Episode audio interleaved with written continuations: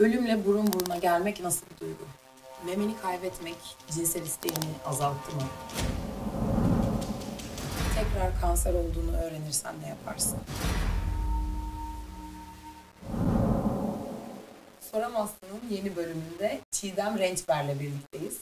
Kendisi meme ucu simülasyonu uzmanı, aynı zamanda kanseri yenmiş bir isim. Biraz kısaca kendinden bahsetmek ister misin Çiğdem? Tabii ki. Ee, 41 yaşındayım. Bundan 5 yıl önce meme kanserine yakalandım. Ailemde e, genetik miras olmamasına rağmen bilgisayarda birazcık araştırdım. Arkadaşıma söyledim. O geldi. Derken hastaneye gittik. Meme kanserinin 3. evresi olduğunu öğrendim. Bu şekilde başladı benim. Ölümle burun buruna gelmek nasıl bir duygu? Hmm, sevdiklerini bir daha görememek korkusu çok kötü bir şey. Mesela şöyle düşünün. Bana bunu söylediklerinde ben bunu ilk babama nasıl söylerim oldu. Sonra biz e, tabii yine babama söylediğinde beni hastaneye götürdüğünde gece saat 11.30'da Sakay, Sakay'dan Umuttepe'ye gittik İzmit'te. E, orada işte annem var, iki tane kız kardeşim var ama ben babamla olmayı tercih ettim. Çünkü e, inanılmaz bir enerjisi vardır ve biz baba kız ilişkimiz muhteşemdir. Ben tekrar dünyaya gelsem tekrar babamın kızı olmak isterdim. O kadar baba aşığıyım. Ve benim yanımda babam refakatçi olarak kaldı ve ben babama meme kanseri olduğumu hala söyleyemedim Sonya. O zaman şimdi bu videoyla mı öğrenecek? Ya da Hayır. Mu? Hayır.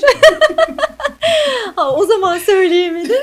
Ameliyat olduğum e, gün göğsüm alındığında babam benim meme kanseri olduğumu öğrendi.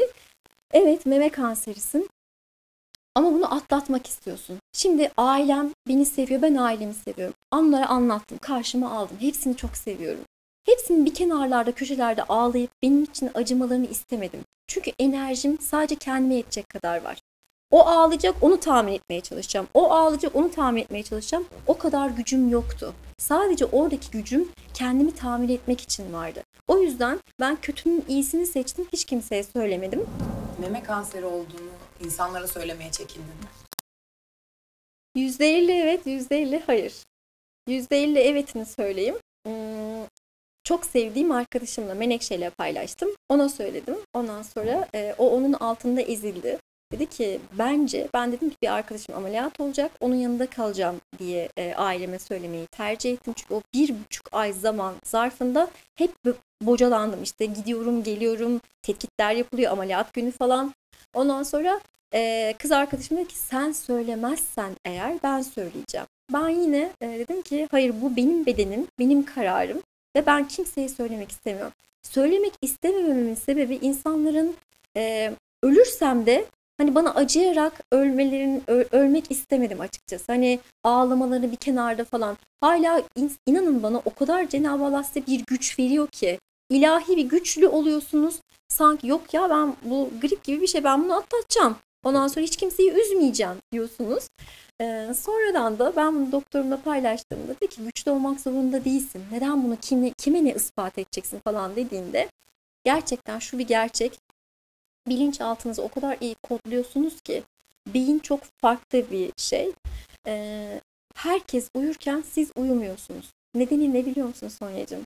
Herkes uyurken ben ölürsem onları üzersem korkusuyla hiçbir onkoloji hastası gece uyumaz. Herkes ayağa kalkar 6.30-7'de. Ondan sonra siz uykuya dalarsınız. Çünkü o zaman kendinizi güvende hissediyorsunuz. Herkes ayakta. Hani size bir şey olursa onlar görecek. Sizi uykuda ölü görmeyecek gibi. Böyle saçma sapan bir psikolojiye giriyorsunuz. Ben söylememeyi tercih ettim. İyi ki söylememişim. Yine olsa yine söylemezdim. Kemoterapi sürecinde saçların döküldü mü? Saçlarının dökülmesi sana kendini nasıl hissettirdi? Döküldü. Çok zordu. Göğsümün alınmasından daha ağırdı. Neden?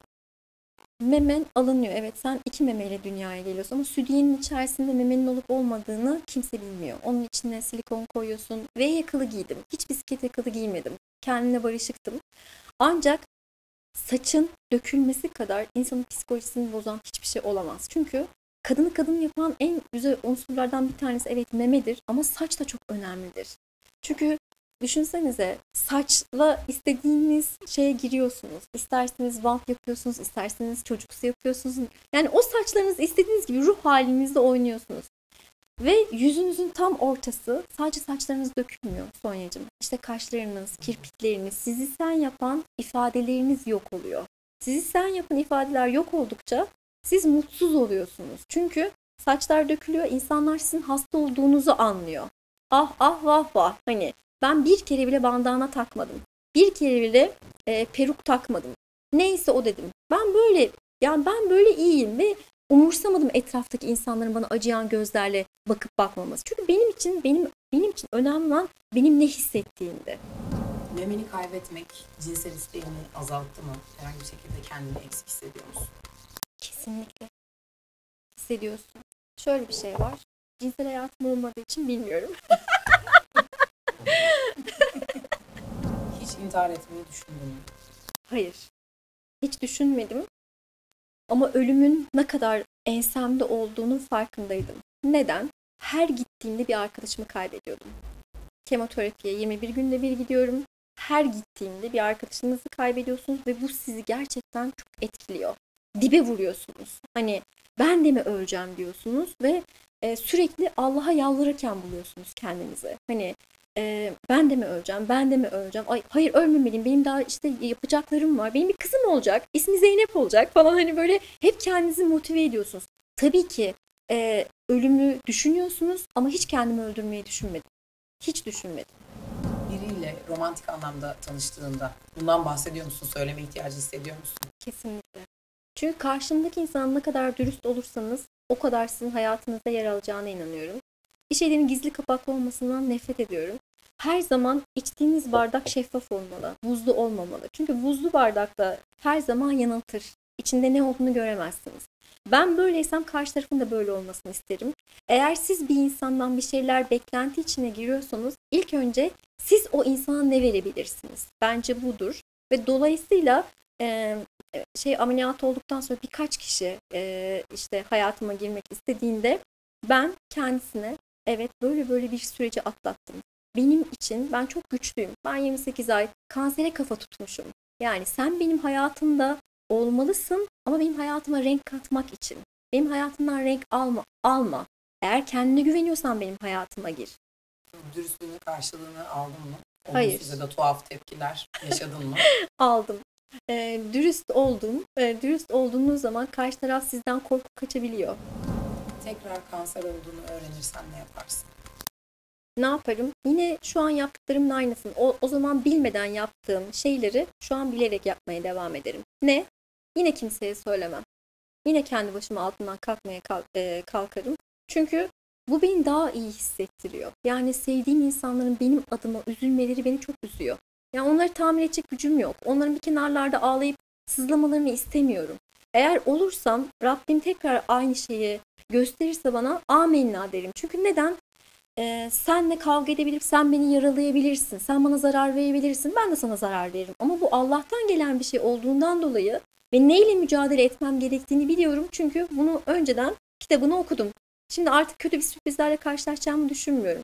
Yine Allah'ın sevgili kulu olduğumu düşünüyorum. Meme kanseriyim. Meme kanserini yendim.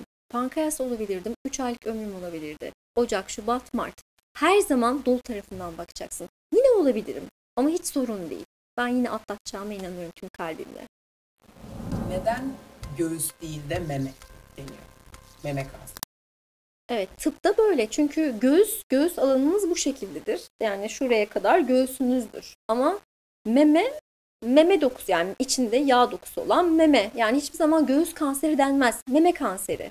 Artık şu e, bunu da söylemek isterim. Hazır unutmazken 8 kadından bir tanesi, dünyadaki 8 kadından bir tanesi meme kanseri deniliyor. Artık bu 5 tane kadından bir tanesine düştü. Ve maalesef ki erkeklerde de var meme kanseri. Yani biz yine yine çok iyiyiz. Çünkü bizim meme dokumuz var. Meme dokusu komple yağ dokusuyla beraber alınıyor. Biz kurtulma şansımız çok yüksek. Ama erkeklerde meme dokusu yok. Memenin altında direkt işte e, kemikler olduğundan dolayı belirli ihtimali. çok yüksek. Mesela erkek nasıl anlayabilir? Memelerinde işte 30 e, 35-40 yaşından sonra e, bizim nasıl hormonlarımız değişiyorsa, menopoza giriyorsak işte östrojen hormonumuz azalıp erkeklik hormonu yükseliyorsa onlarda da erkeklik hormonu aşağı çekip östrojen hormonu yükseliyor. Östrojen hormonu yükseldiğinde İşte orada bir yağlanma oluyor. Onlar hemen body'ye gidiyorlar, spora gidiyorlar. Hayır. İlk önce genel cerraha gideceksin. Orada o yağlanma senin vücuduna ait bir şey değil. Dolayısıyla o yağlanma orada bir meme oluşmaya başlıyor erkekte. O an er, e, eğer erken teşhiste hemen doktora gidip de ya benim vücudumda yoluna gitmeyen bir şey var. O, ne oluyoruz meme meme dokusu oldu falan deyip çünkü östrojen hormonundan dolayı orada bir meme meydana geliyor. Hemen gittiği takdirde orası kazanılıyor. Ondan sonra işte e, sıçraması engel, engelleniyor. Çünkü direkt kemiklere sıçrıyor. Kemoterapinin en kötü yanı ne? En kötü yanı ım, aynaya baktığınızda sen sen değilsin. Yüzünün rengi gidiyor. Gözlerinin içi sararıyor. Kirpiklerin ve kaşların dökülüyor. Saçlarım mesela benim belime kadardı. İlk gittim saçlarımı kestirdim. Ondan sonra e, banyo yaptığınızda o saçlarınızın dökülmesi hemen gittim 3 santim bir daha. Yani göz alıştırıyorum arkadaşlarımı, çevremdekilerini falan. Sonra yatıyorsunuz. Yattığınızda milyonlarca iğnenin saç diplerinize e, acı verdiğini hissediyorsunuz. Hani böyle saç nezlesi vardır bilirsin. Saçlarını çok sıkı toplarsın toplarsın evet. bıraktığında böyle elektrik çarpmış gibi olur ya. Onların bütün kafanın etrafına saç köklerinde hissediyorsun. Çünkü e, kemoterapi kötü huylu hücreler öldürürken diğer yandan da iyi huylu hücreleri de öldürüyor. Hani bunlar kötü, bunları yakalayayım, bunlar iyi, bunları yakalamayayım ayırt diye etmiyor. ayırt etmiyor. Kemoterapi saç telinizden tırnak, e, ayak tırnağınıza kadar bütün kan dolaşımınıza, bütün vücudunuza gezindiğinden dolayı vücudunuzda tabii ki ters tepkiler olabiliyor. Benim en çok üzenlerden bir tanesi saçlarımın, kaşlarımın, kirpiklerimin dökülmesiydi. Bunu kabullendim, bunu kabul ettim. Kabul etmek çok önemli. Evet böyle bir süreçteyim. Bunu yaşamam gerekiyor. Memelerin yerine başka bir organını kaybetmeyi tercih eder miydin? Memen yerine. Hayır. Etmez. Çünkü meme kanseri kanserin en minimumu. Yani en zararsızı. Tabii dördüncü evre Allah korusun da yani başka bir organ atıyorum akciğer olsa hemen metastas yapması çok çok çok riskli. Mide olsa mide çok çok sıçrıyor. İşte kolon kanseri olsanız çok zor. İşte oraya e, şeyler takılıyor, apartlar takılıyor bilmem ne. O çok zor bir süreç. Onun da çok fazla yayılma ihtimali yüksek. Pankreas deseniz valla yine olsam yine meme kanseri olmayı tercih ederdim. En sevdiklerinden birinin kanser olduğunu öğrensen ne yaparsın? Ne hissedersin? Ne hissederim? Çok üzülürüm. Ve e, onun benim yaşadığım şeyleri yaşamaması için elimden gelen her şeyi yaparım. Mesela Umuttepe'deyken kendi kendime söz vermiştim. Dedim ki eğer ben bu hastalıktan kurtulursam, Allah bana izin verirse e, benim gibi olan insanları bir köşeye oturtturacağım. Çünkü o kadar çok orada bilmediğiniz koridorlarda geziyorsunuz. Havada asılı belirsizlik insanı gerçekten delirtiyor. Hani ne duyacağınızı bilmiyorsunuz, neyle karşılaşacağınızı bilmiyorsunuz, ne kadar ömrünüz olduğunu bilmiyorsunuz. Sürekli ölüm ve yaşam arasında incecik bir çizgi var. Orada debelenip duruyorsunuz. O yüzden e, o sizin beyninizi çok fazla yoruyor. Yani üstünüzden böyle sırtınızda binlerce ağırlık var. Yattığınız zaman inanın bana elektrik çarpmış gibi oluyor sırtınızdaki o yük. Ondan sonra o arada kendi kendime o hastane koridorlarına çok söz verdim. Eğer benim gibi olan bir insan benden yardım dilerse asla onu geri çevirmeyeceğim dedim. Sözümü tuttum mu? Tuttum. Bugüne kadar 408 tane hastayı sosyal medyadan, Facebook, Instagram'dan her yerden bana ulaşmalarını sağladım. Videolar çektim. Neden? O balkondan ben düştüm. Canım nasıl yandığını çok iyi biliyorum. O balkonun altında pamuklarla bekliyorum. Eğer düşen, düşecek inşallah hiç kimse düşmez. Eğer birisi düşecekse benim kadar canı yanmamasını sağlıyorum. Peki meme ucu olmadan olmuyor mu? Olmuyor. Neden olmuyor? Çünkü kendini eksik hissediyorsun. Diğerinde var, bunda yok.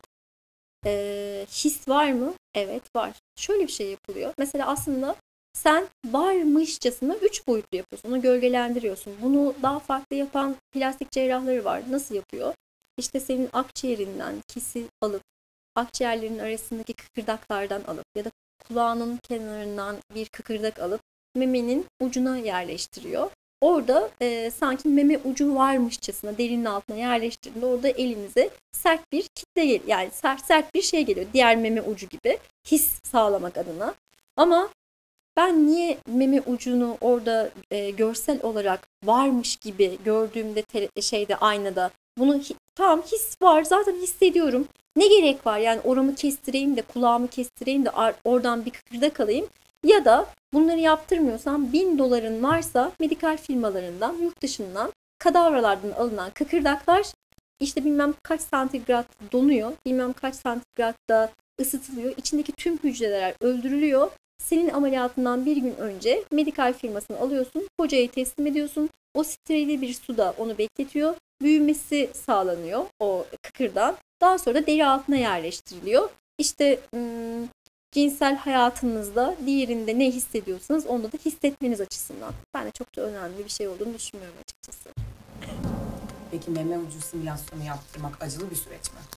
Hayır değil. Neden? Çünkü eee, şeyler var. Anestezi kremler var.